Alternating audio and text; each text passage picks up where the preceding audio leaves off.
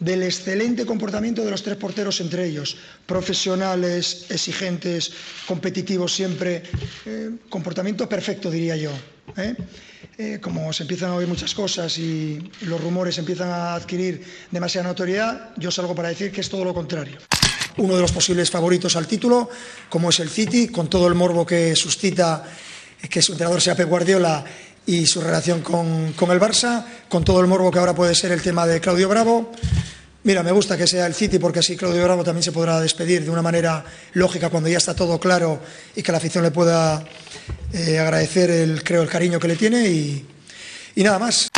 Creo que dije ya la frase de la temporada, la, o una de las frases de la temporada hace 15 o 3 semanas. La plantilla que tengo ya actual es, es muy buena.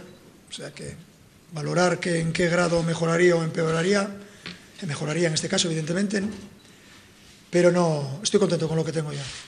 Espero el máximo de todos mis jugadores, el máximo porque necesitamos eh, veintipico titulares y, necesitamos eh, disponer de, del máximo posible de jugadores eh, a un alto nivel.